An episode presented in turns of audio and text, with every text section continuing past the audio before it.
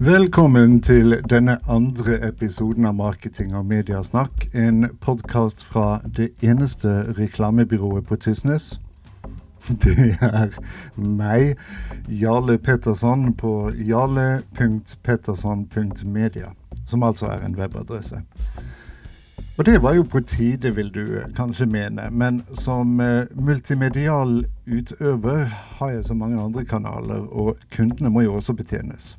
Noe som dels forklarer uregelmessigheten. Det blir en kort, men ekstremt konsis episode denne gangen.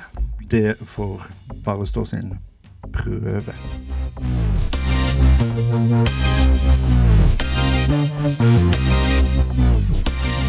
Ja vel, så var vi i gang. Først må jeg nesten beklage for at lydkvaliteten kanskje ikke er helt optimal. I eh, påvente av eh, popfilter og et ordentlig mikrofonstativ sitter jeg her med en raggsokk tredd over mikrofonen, som i sin tur er festet til et ikke-støtabsorberende bordstativ. Dermed blir dette hva du får. Så til temaet. Eh, jeg vet at det er mange som podkaster over emnet, men de sosiale mediene utgjør nå en gang de formodentlig viktigste informasjonskanalene vi har. Så at de er tema for denne episoden, burde kanskje ikke komme så overraskende. Internett i sin alminnelighet, men kanskje spesielt de sosiale mediene, kan virke skumle for mange. Lenge trodde jeg det var en myte, og at de som bar på den angsten, tilhørte en eh, generasjon som for lengst har forlatt oss. Tvert om, imidlertid, er faktum at de lever i beste velgående, og ofte tilhører aldersgrupper man skulle tro behersket de eh, virtuelle sfærene til fingerspissene. Og eh, kanskje du regner deg til de eh, teknologiengstelige selv, skjønt du da neppe hadde sittet her og hørt på en podkast. Men det er klart, det er stor forskjell på å være forbruker i de sosiale mediene og å være tilbyder av produkter, tjenester eller innhold. Likevel er du et godt stykke på vei, for når selv bestemor kan dele bilder eller lenker på Facebook, er det en overhengende mulighet for at uh, kjøpmannen på hjørnet også kan. Så hvorfor gjør han det ikke? Årsakene kan være så mange, men eh, la oss se litt nærmere på denne problematikken. La oss si at uh, du driver en virksomhet som er rettet mot den uh, lokale kundemassen i en uh, tynt befolket bygd. Da er det relativt selvskrevent, vil jeg si, at du neppe har rare reklamebudsjettene å fare med. Så rådene blir dyre, eller i dette tilfellet helt gratis. For det høres kanskje dumt ut, men eh, svært mange skusler bort en god, gratis og effektiv markedsføringskanal ved å forbli passiv i de sosiale mediene. Jeg kan bare ikke forstå hvorfor det er blitt slik, for ærlig talt, det er penger rett ut vinduet, og resulterer i en bunnlinje som blir betydelig svakere enn den kunne ha vært, om ikke nødvendigvis blodrød. Jeg vet at det kan virke som steinkasting i glasshus, men eh, når man har sin fulle hyre med å pønske ut løsninger for andre, ender det med at skomakerens barn får unngjelde. La meg bruke et konkret eksempel. Du driver en nærbutikk på bygda eller nær svenskegrensen. I begge tilfeller er sjansen for kundeflukt relativt overhengende, enten de stryker til søta bror eller til nærmeste handelssentrum. Hvis du er detaljist nær svenskegrensen, vet jeg ikke om jeg har noen gode svar, men den som driver butikk på bygda, kan definitivt gjøre et eller annet for å tette lekkasjen.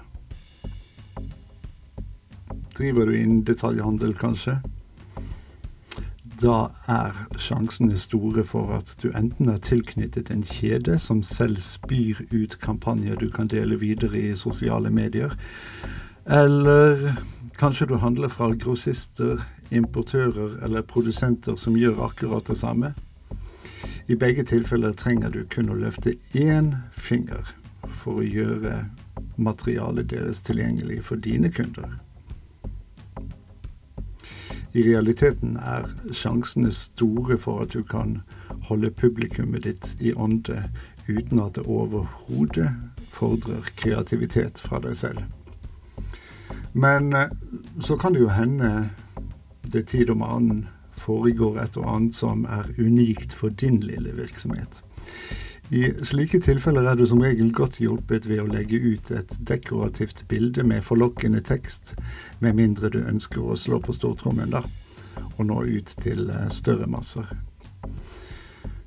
I, eh, I, slike tilfeller kan det være greit å bruke annonse- eller fremmingsalternativene, og kanskje koste på deg litt bistand til utformingen, skjønt det på ingen måte er nødvendig om du har kreative ressurser til disposisjon. Jeg har med andre ord ikke laget denne episoden for å gjøre butikk.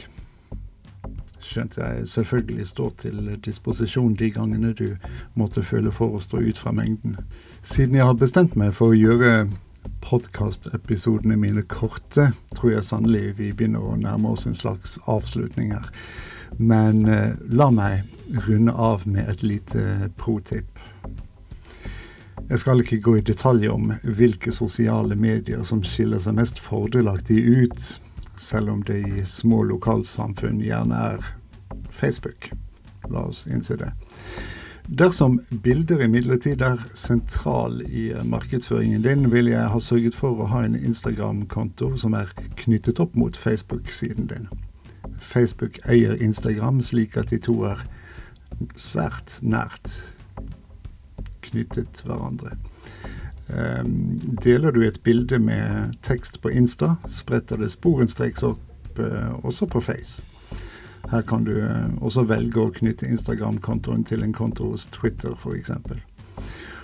Og for alt du gjør, sørg for at det du poster, innbyr til samhandling. Én ting er at det skjerper oppmerksomheten hos dem som interagerer, men Husk også at vennene deres ser at de gjør det, enten de bare kommenterer postene dine eller deler. For den saks skyld om de bare liker noe du har lagt ut. Du tenner ild, plattformen besørger det tørre gresset. Sånn. Nå må jeg slutte å snakke her. Tusen takk for denne gang. Jeg kommer tilbake når det passer seg sånn, men om du vil vite mer, finner du det på um, jarle.petterson.media, det er altså webadressen min, eller på uh, Facebook-siden min, så klart. Ha det.